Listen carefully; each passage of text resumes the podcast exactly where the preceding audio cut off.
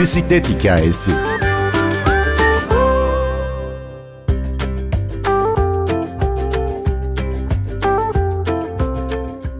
Milano'da yaşayan bisiklet aktivisti Pınar Pinzuti, virüs günlerinde neler yaşadığını, bisiklete olan ilginin tüm dünyada nasıl arttığını anlattı. Süreç sonrasında daha sağlıklı bir ulaşım için bisiklet organizasyonlarına da çağrıda bulundu. Konuşmamızın ikinci bölümünü dinleyelim. Ben Günür Öztürk Yener, bir bisiklet hikayesi başlıyor. İtalya'da iş yerleri için esnek saat uygulaması düşünülüyor. Dolayısıyla herkes aynı saatte saat 8.30'da kart basıp da iş yerine girmeyecek ama bazı insanların işte giriş ve çıkış saatleri esnekleştirilerek bu şekilde trafikteki yoğunluğun da azaltılması düşünülüyor. Vagon başına bu işte otobüs olabilir, metro olabilir, tren olabilir, vagon başına neredeyse sadece 25 kişinin alınacağını düşünürsek o zaman burada bizi aslında çok uzun saatler bir toplu taşıma aracına binme zamanı kuyruğu bekliyor. Dolayısıyla bunların hepsinin önüne geçmek için de yapılmış olan farklı çalışmalar var. Milano'da özellikle toplu taşım %56 tarafından kullanılıyor. Bu oldukça yüksek bir rakam. 750 bin kişiden bahsediyoruz. Bu insanların hepsi tamam artık ben otobüse binip de ne kuyrukta beklemek istiyorum. Bildiğimde de koronavirüsünü kapar mıyım kapmaz mıyım endişesini taşımak istemiyorum. Ben o zaman hemen bir otomobil satın alayım ya da otomobille gideceğim yere gideyim demesinin, denmesinin önüne geçmek için alternatifler hazırlanıyor. Bunlardan bir tanesi 3 kilometreye kadar olan yolculuk mesafeleri için yürüyüşün özendirilmesi, 10 kilometreye kadar olan mesafelerde bisiklet kullanımı, e-bike yani elektrikli bisiklet kullanımı ve e-scooterların kullanımı özendirilecek. 10 kilometre üstünde ise bir toplu taşıma aracı ve arkasından kalan işte last mile dediğimiz dönemi de yine yaya ve bisikletli olarak yapmak gündeme geliyor. Seçenekler bunlar. Tüm bunların da hayata geçmesi için çok iyi bir iletişim sonuçta kampanyasına ihtiyaç var. Herkesin çok iyi bir şekilde bundan sonraki hayatlarında evlerinden çıktıklarında nasıl hareket edeceklerini anlamaları gerekiyor. İkincisi de bu aynı anda sokağa çıkan yayaların ve bisikletlerin güvenliğinin sağlanması gerekiyor. Bunun için de Pop-up bike lane dediğimiz Berlin'in başlattığı işte hızlı bir şekilde çok küçük önlemlerle ve çok maliyetlerle hayata geçirilebilen bisiklet ayrılmış bisiklet yolları olabilir.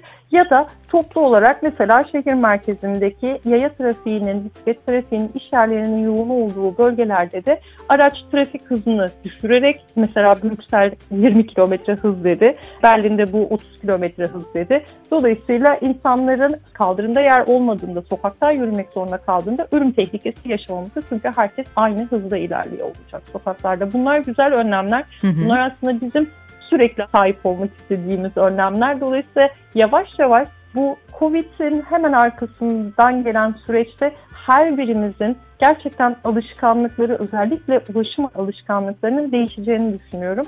Ben gerçekten çok olumlu düşünüyorum bundan sonraki dönem için. Oldukça pozitifim.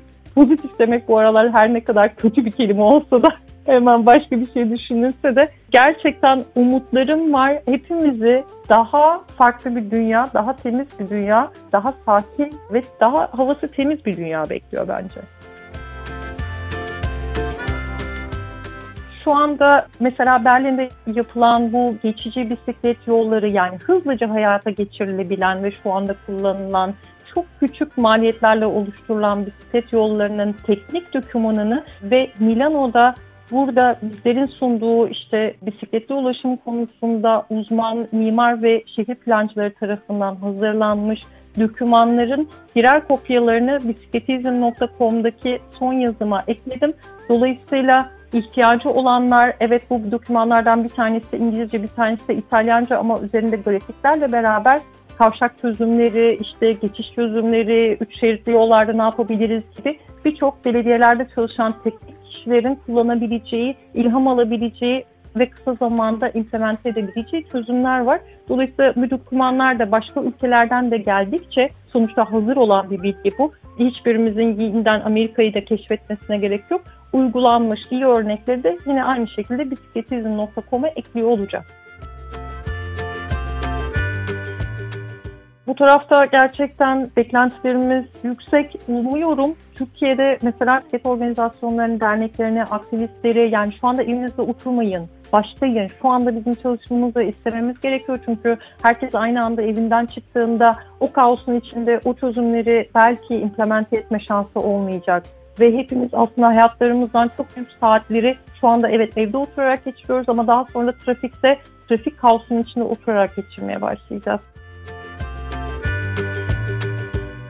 Sen Avrupa'dan bahsettin ama bildiğimiz kadarıyla bu tür bisikletle ilgili gelişmeler Avrupa ile sınırlı değil. Örneğin Avustralya'dan evet. bir takım haberler geldi. Ah, bu bence bize gerçekten çok güzel bir tüyo oldu. Şöyle Avustralya lockdown önlemlerini tamamen hafifletti ve tekrar insanların iş yerlerine gidebileceğini, okullarına gidebileceğini söyledi. Ve insanlar evlerinden çıktıkları anda ilk yaptıkları şey bisiklet dükkanlarına koşup bisiklet satın almak oldu. Orada bisiklet dükkanında çalışan arkadaşımla bağlantıya geçtiğimde bana dediği şey ise çok çok daha güzeldi. Aileler yani sadece erkek gelmiyor dükkana bisiklet almak için. Anne, baba ve çocuklar bu bisiklet dükkanlarına geliyorlar. Bütün aile fertleri için onlara uygun ulaşımlarını yapabilecekleri bisikletler satın alınıyor ve arkasından da bu insanlar günlük hareketlerini bisikletle yapmaya başlıyorlar. Arkadaşımın dediği şey şu anda yaşadığımız bisiklet satışı patlaması Noel'den bile güzel. Tabii onlar için önemli olan satın alma, coşkusunun yaşandığı dönem Noel. E, Noel'den bile güzel dediğine göre gerçekten aynı şeyi bizim şehirlerimiz için de bekleyebiliriz. Dolayısıyla bu bisikletin her zaman demokratik bir ulaşım aracı olduğunu söylüyorduk. Herkesin erişebileceği, satın alabileceği bir iki tekerlekli ulaşım aracımız var. Dolayısıyla birçoğumuz Covid sonrasında evlerimizden daha zengin değil, daha fakir çıkıyor olacak. Dolayısıyla hepimizin gerçekten ekonomik olarak büyük kaygıları olacak. Böyle bir dönemde de ücretsiz bir şekilde ulaşımımızı sağlayabilmemizin çok çok önemli olduğunu düşünüyorum.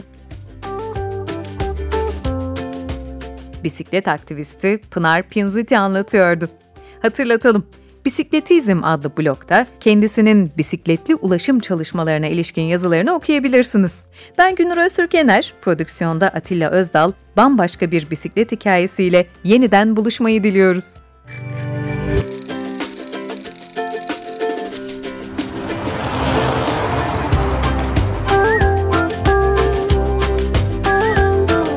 Bisiklet hikayesi.